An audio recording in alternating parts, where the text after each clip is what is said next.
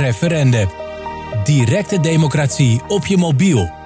Op 6 april 2023 debatteerde de Tweede Kamer over een verdrag met Israël dat het uitwisselen van de status van elkaars strijdkrachten mogelijk maakt. Het voorstel omvat afspraken over de juridische status van defensiepersoneel dat aanwezig is op elkaars grondgebied. Het verdrag is een bilaterale overeenkomst, vergelijkbaar met overeenkomsten die Nederland heeft met andere landen, en is niet specifiek gericht op de inhoud van de samenwerking. Het kan gaan om zaken zoals wederzijds gebruik van trainings- en oefenfaciliteiten, gezamenlijke innovatiestudies en kennisuitwisseling. Een argument voor het wetsvoorstel is dat het de militaire banden tussen Nederland en Israël zal versterken. Het verdrag wordt gezien als een manier om bij te dragen aan vrede, vrijheid en veiligheid in de wereld. Tegenstanders van het wetsvoorstel hebben echter verschillende zorgen geuit. Een punt van kritiek was dat het verdrag geen duidelijk doel heeft. Er werd ook beargumenteerd dat samenwerking met Israël niet zou mogen bijdragen aan de bezetting van Palestijnse gebieden. Door sommige tegenstanders werden zorgen geuit over het samenwerken met een leger dat betrokken zou zijn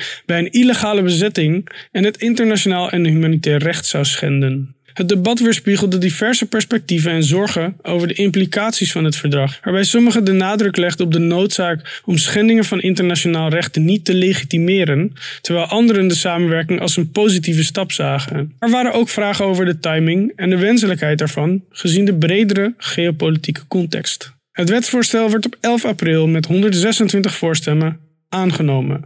En nu is de vraag: wat vind jij? Download nu de app voor iOS en Android. En herwin je waardigheid als burger van een soeverein Nederland. Referendum. Laat je stem gelden. Altijd.